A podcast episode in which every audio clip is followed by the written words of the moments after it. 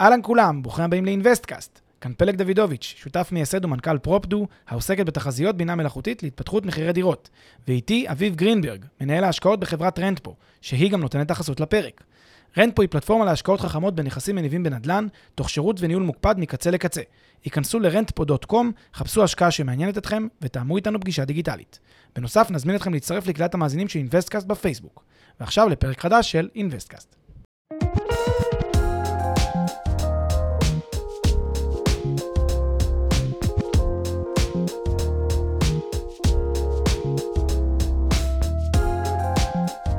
אהלן פלג, אהלן אביב, מה המצב? מה שלומך אתה?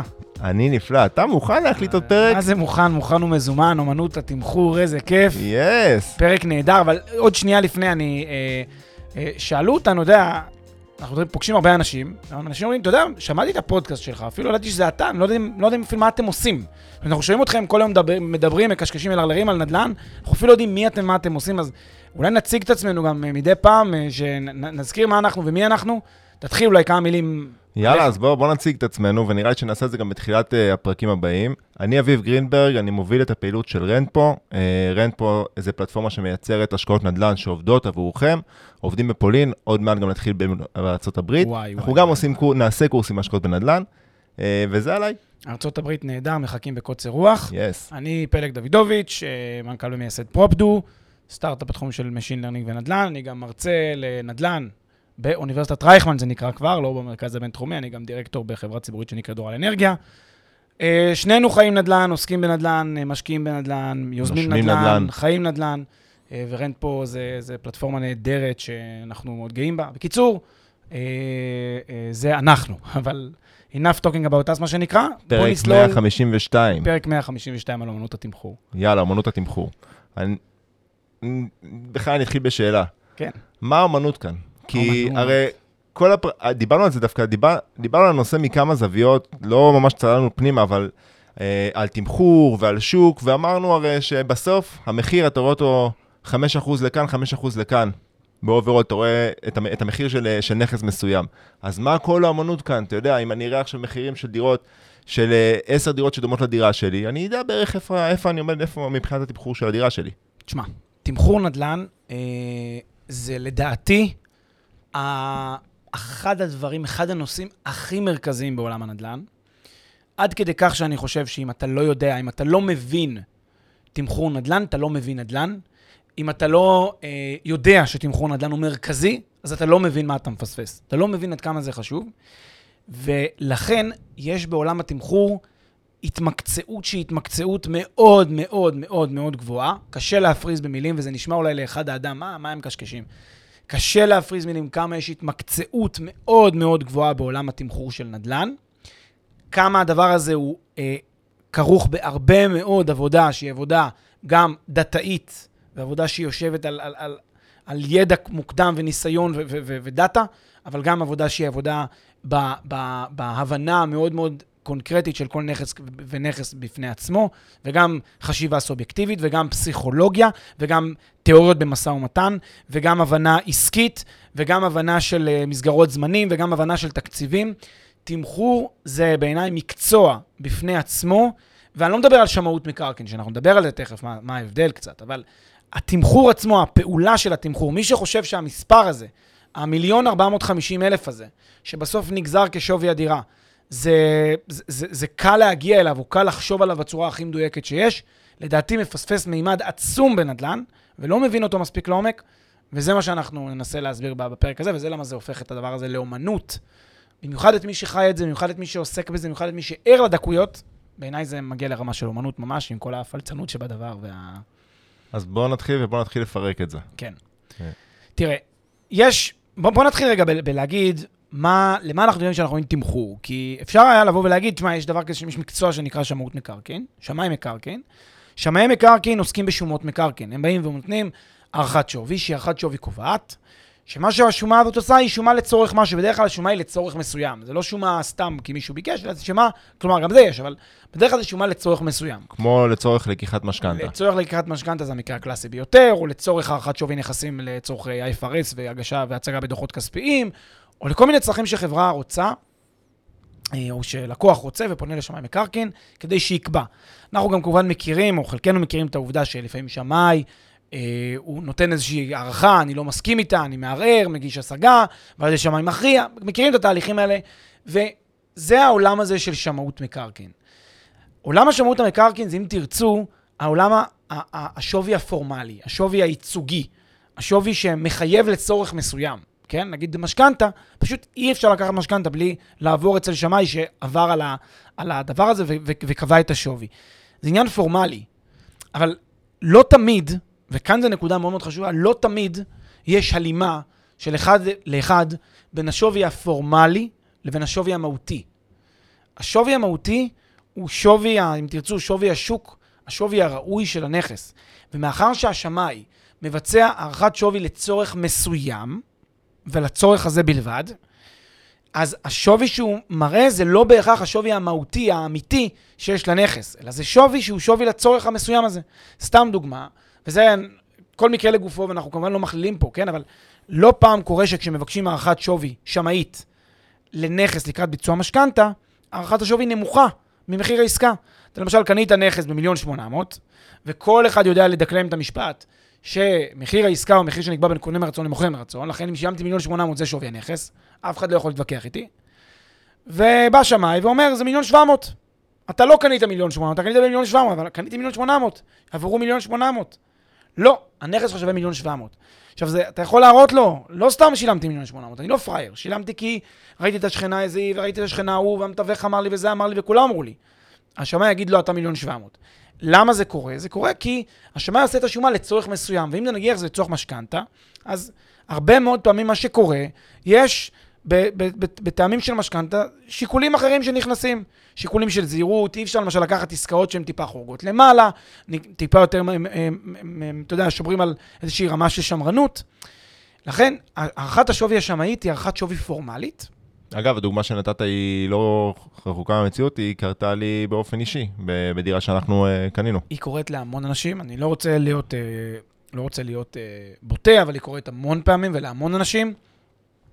אה, זה כמובן לא אה, אומר משהו על מישהו, כן, על איזשהו בעל מקצוע כזה או אחר. כל אחד עושה את העבודה שלו ועושה אותה בצורה הכי טובה והכי איכותית והכי מקצועית שיש. אבל כשעושים שווי לצורך מסוים, אז זה לא שווי לצורך אחר. זה כמו, אני אתן לך, אני אתן לך דוגמה. אם אני הקונה, כן, אני מבקש, נגיד אני פונה למעריך שווי, ואני הקונה. אז תסכים איתי שבתור קונה, המעריך השווי, יש לו נטייה לרצות אותי בתור קונה, כי אני משלם לו כסף. אם אני המוכר, יש לו נטייה לרצות אותי בתור המוכר. אתה מבין שיש פה, שוב, הצורך של, של מזמין הדוח, מזמין השמאות, הוא משפיע גם במובן מסוים על התוצאה. לא פעם, לא כולם, לא באופן גורף, שוב, לא להכליל. וזה מעיד על משהו שאנחנו נפתח פה בהמשך, שהשווי הוא לא...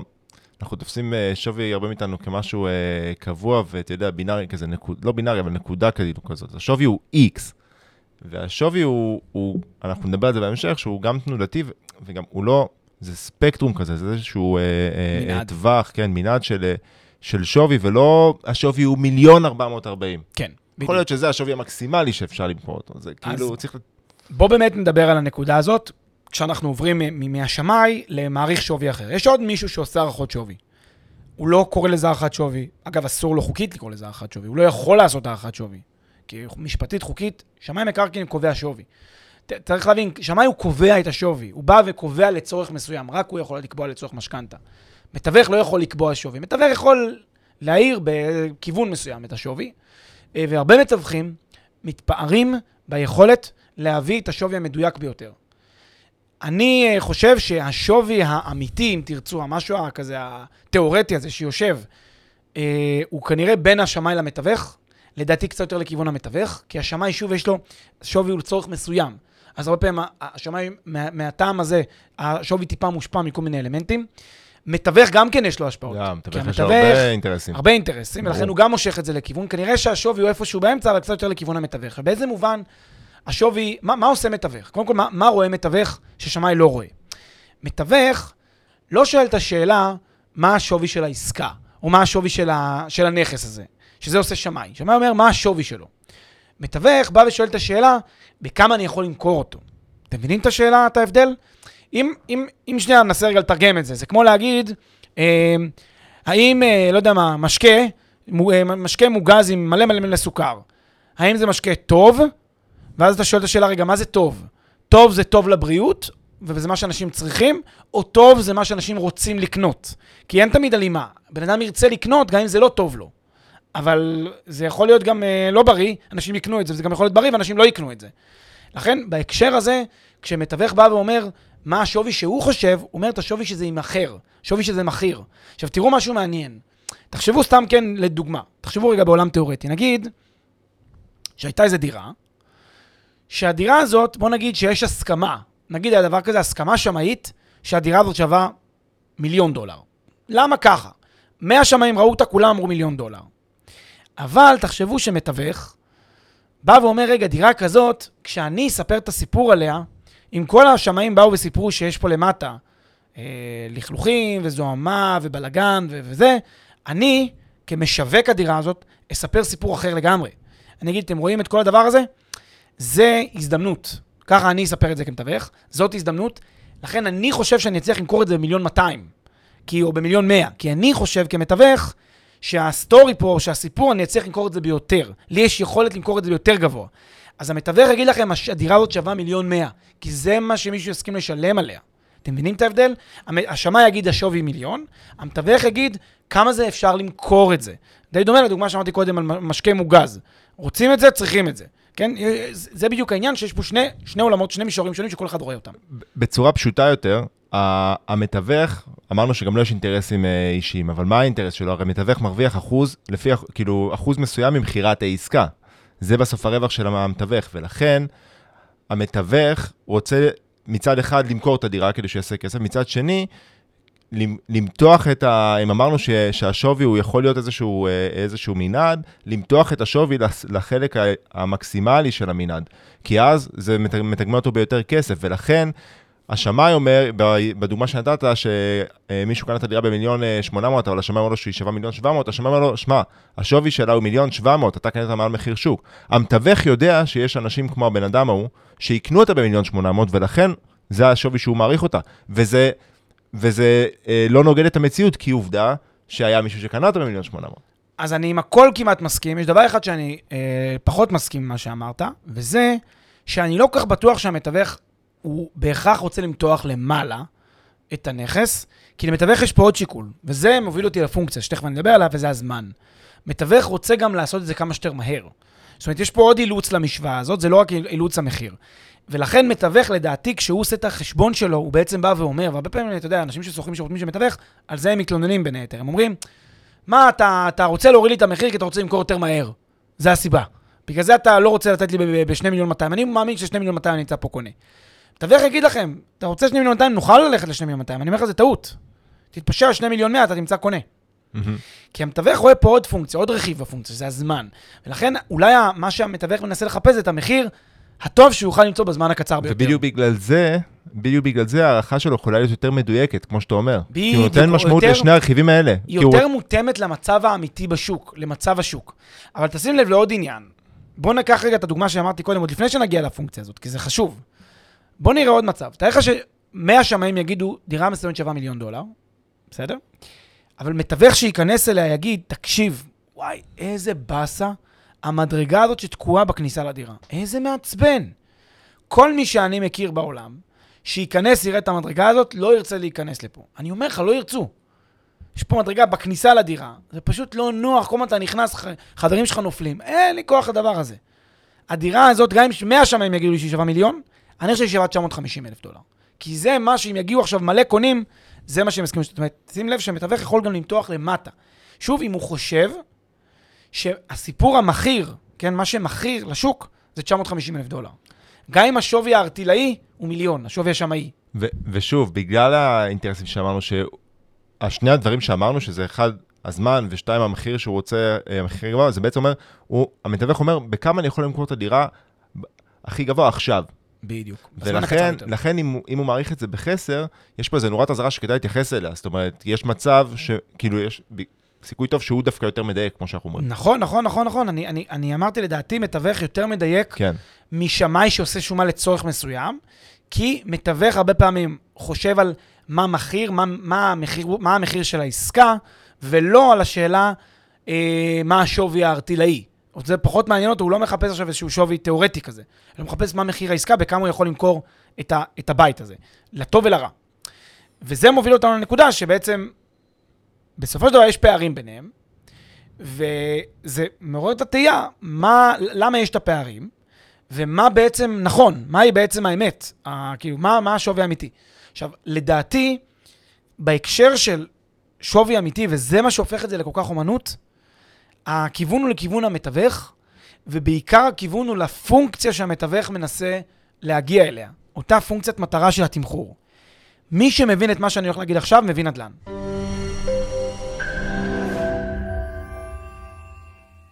לפני שנמשיך, כמה שניות מזמנכם. הפרק בחסות Rentpo, פלטפורמת השקעות חכמות בנדל"ן עם האנשים שמאחורי InvestCast. רנטפו מאפשרת לכם להשקיע בשקיפות וביעילות בנכסים מניבים, תוך ליווי וניהול מוקפד ומקצועי מקצה לקצה. היכנסו ל-rentpo.com, חפשו השקעה שמעניינת אתכם ותאמו איתנו פגישה דיגיטלית.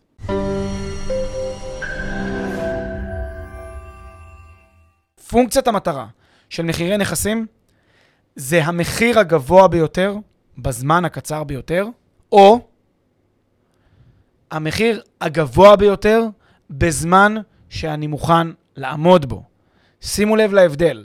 זה המחיר הגבוה ביותר בזמן הקצר ביותר. אם אני, אם אני מכוון ל-T שווה נגיד חודש, זמן שווה חודש, או המחיר הגבוה ביותר כשה-T, כשהזמן הוא כפונקציה של המוכנות שלי לחכות. ואל תשכחו שזמן שווה כסף. וזמן שווה כסף, מעולה אמרת, יפה מאוד. אז עכשיו בוא נסביר רגע את מה שהרגע אמרתי.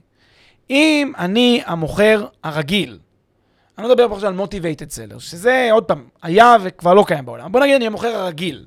המוכר הרגיל מחפש למכור בפרק זמן שנגיד רבעון, בוא נעשה give or take רבעון, הוא חי עם זה. שני רבעונים הוא גם יחיה בסדר. הרוב רוצים נגיד תוך חודשיים שלושה כבר לסיים עם זה.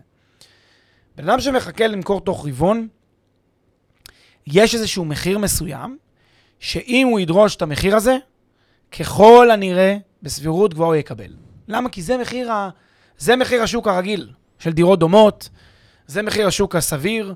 ככל הנראה, out there נמצאים הקונים, בטח בתקופה שהיום זה, אתה יודע, שהיום כל עצה הוא מלך, בחוץ נמצאים קונים שיסכימו לשנות את המחיר הזה.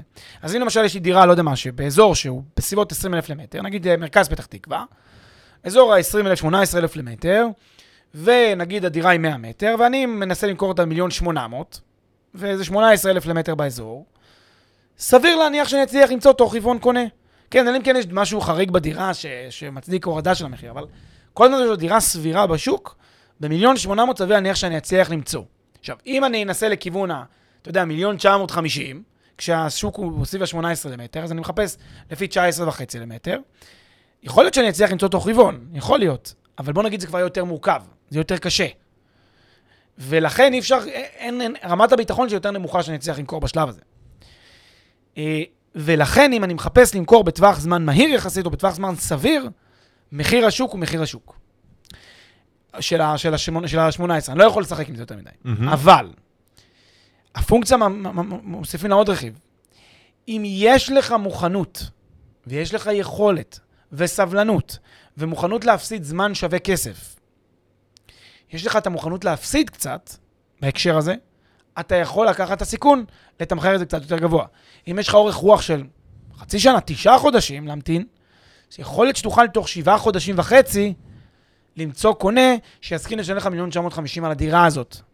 בסוף... תהיה מה שתהיה הסיבה שלו. כי בסוף ההיגיון הוא מאוד מאוד פשוט, לא סתם אומר שזה פונקציה, זה, זה פונקציה בסיסית של היצע וביקוש. הרי ככל שאני מעלה את המחיר, אז הביקוש הוא נמוך יותר, זאת אומרת, יש פחות אנשים שיהיו מוכנים לשלם מיליון 950 אלף בשביל הדירה הזאת.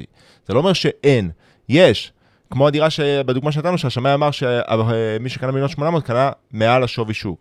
יש אנשים, פשוט פחות אנשים, ולכן אנחנו אתה צריך לצאת מנקודת הנחה שייקח יותר זמן למכור את הדירה הזאת. אגב, כל מה שאתה אומר נכון גם לתמחור של השכרה, של השכרה של הדירה. מאוד נכון. במיוחד, אגב, להשכרה, אה, כשאין לך דיירים, כי כשיש לך דיירים אתה יכול גם להציע אותה להשכרה שלושה, ארבעה חודשים, אה, לא, זה כבר הרבה זמן, אבל חודשיים, שלושה מראש. וכשאין לך דיירים אתה צריך לשאול את עצמך, מה אני מעדיף? זאת אומרת, האם המחיר שוק, בין המינימום למחיר ביניים הוא...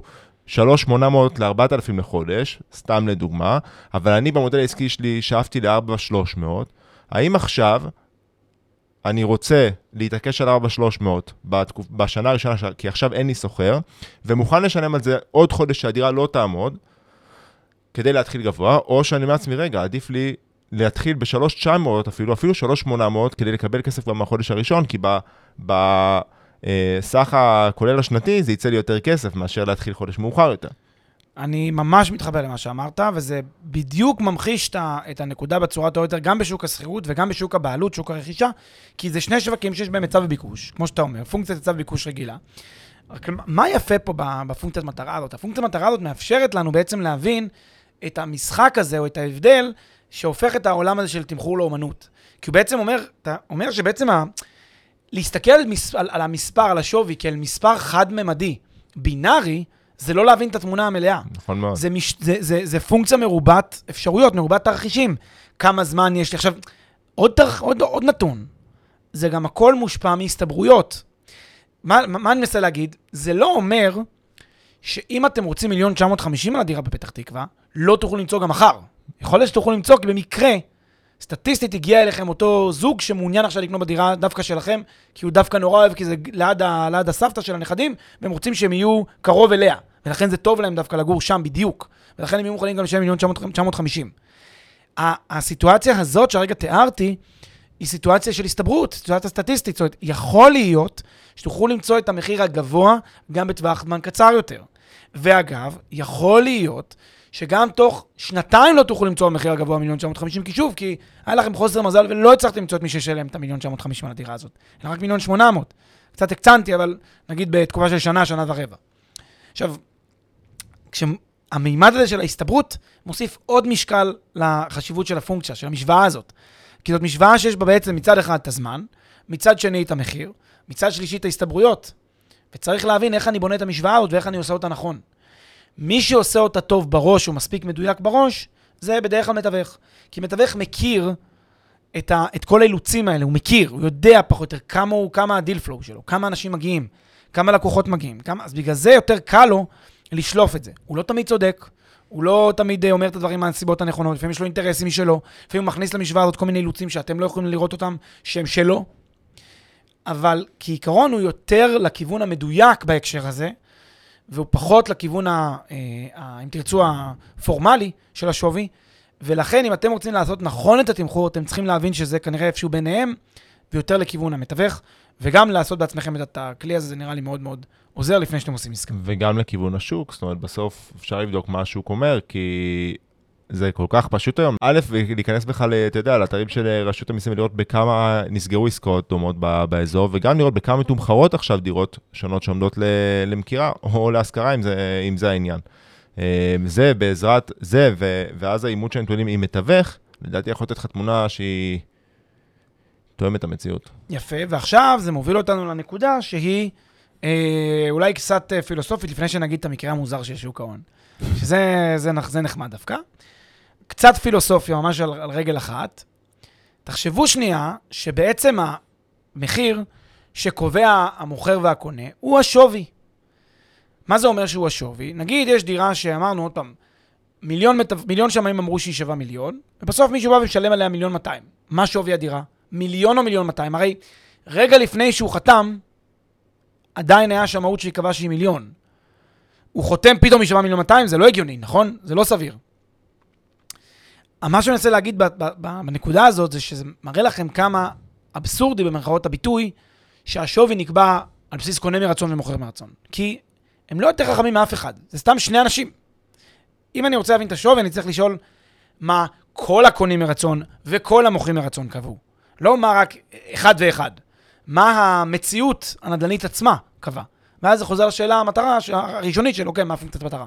בדיוק, כי אתה לא יכול, כי כשאתה אומר, אם, הנה, יש פה עכשיו קונה שקנה אותו במיליון 200, אתה מתעלם ממקרים חריגים של אנשים שבאמת, א', לא בדקו בכלל מה הם קונים, אה, וקנו בחסר או ביתר, ומקרים קיצוניים שמשפיעים, שמראים לך תמונה שהיא לא נכונה, כמה שהמשפט הזה הוא משפט ברזל במקצוע השמאות, כאילו, אם אתה מתייחס לכל עסקה כ- כמלך השווי, כמי שאתה יודע, אם, אם מידע לשווי, אתה מפספס את התמונה, אתה חייב להסתכל על המכלול. בוא אני אתן לך דוגמה יפה. ראינו בפרופדו באחד, באחד האזורים, בניין, אם מחירי השוק נגיד עלו באותה שכונה, בערך ב-50 אחוז, בפרק זמן של אה, כמה שנים, בסדר? נגיד בעשר שנים עלו בסביבות 50 אחוז, באותו בניין היו איזה 4 או 5 עסקאות באותו מחיר. מיליון וחצי, מיליון וחצי, מיליון וחצי, מיליון וחצי, מיליון וחצי. 4-5 עסקאות, כולן מיליון וחצי, כולן לדירת 100 מטר, או כל אותו דבר, קומה 3, 4, כאילו כולם אותה פחות או יותר קומה. אתה לא רואה הבדל מיוחד, והעסקאות הן ב- ב- לאורך העשר שנים האלה. זאת אומרת, לא היה משהו... שואל את עצמך את השאלה, רגע, איך זה יכול להיות ששנה אחרי שנה אחרי שנה, בעוד שהשכונה עולה במחירים, הבניין הזה תקוע באותו מחיר? תחשבו על זה לרגע, למה זה קורה? עכשיו, אם תשאלו שמאי, מה שווי הדירות בבניין הזה?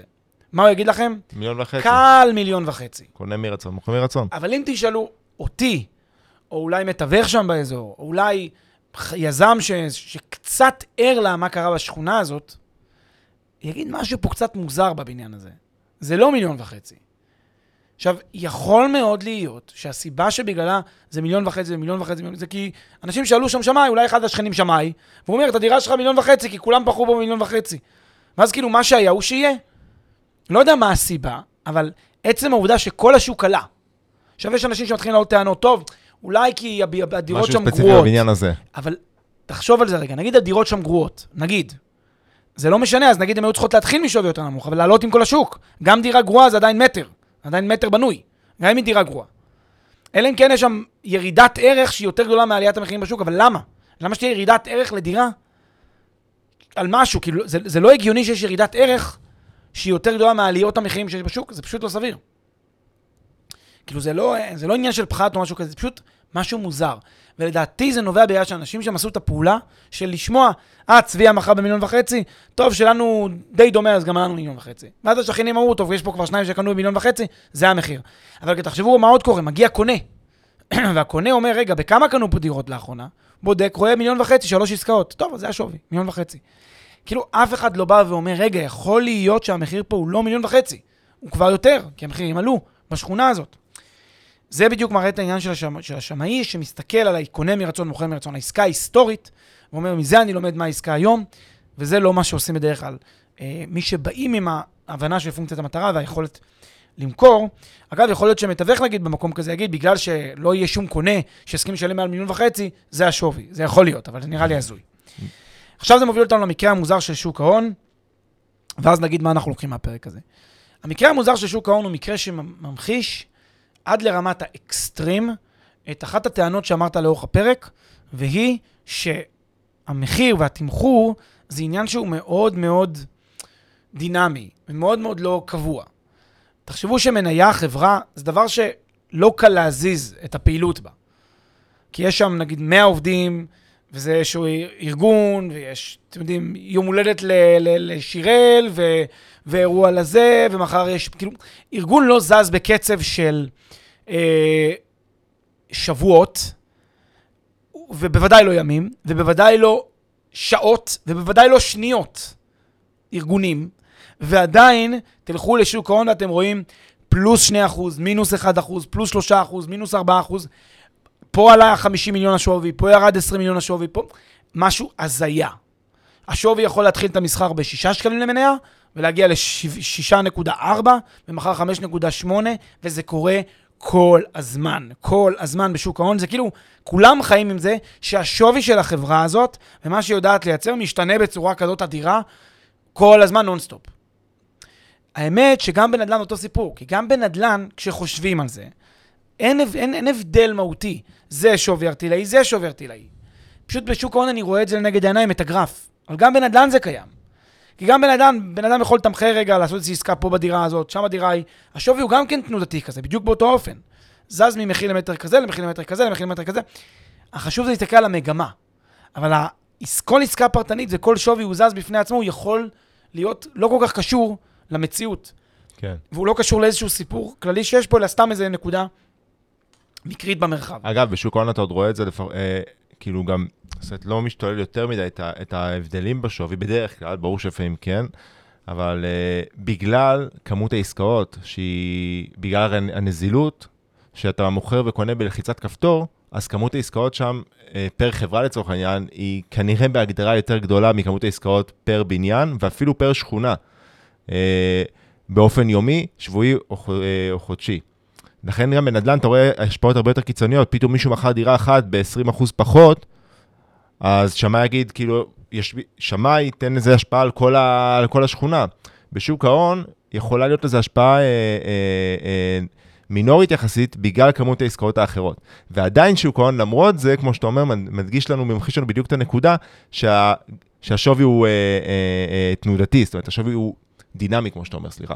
פלג, אז מה שלושת הנקודות העיקריות שאנחנו לוקחים מהפרק הזה? כן, אז נקודה אחת שאנחנו תמיד אומרים אותה, ששווי זה לא דבר שהוא אה, חד-חד ערכי. זה לא דבר שהוא דבר קבוע, constant, ש, שהוא, אתם יודעים שיש מספר מדויק, אלא זה סוג של טווח, סוג של מנעד, והדבר הזה נובע בגלל העובדה שיש כל מיני שיקולים ואילוצים שונים ופונקציות שונות שרואים כל אחד מהשחקנים בתהליך, ולכן כדאי להכיר את זה שזה לא דבר שהוא אה, חד, חד חד ערכי, ושוב, קונה מרצון, מוכר מרצון, כל הדברים האלה זה נחמד, בסוף שווי זה טווח.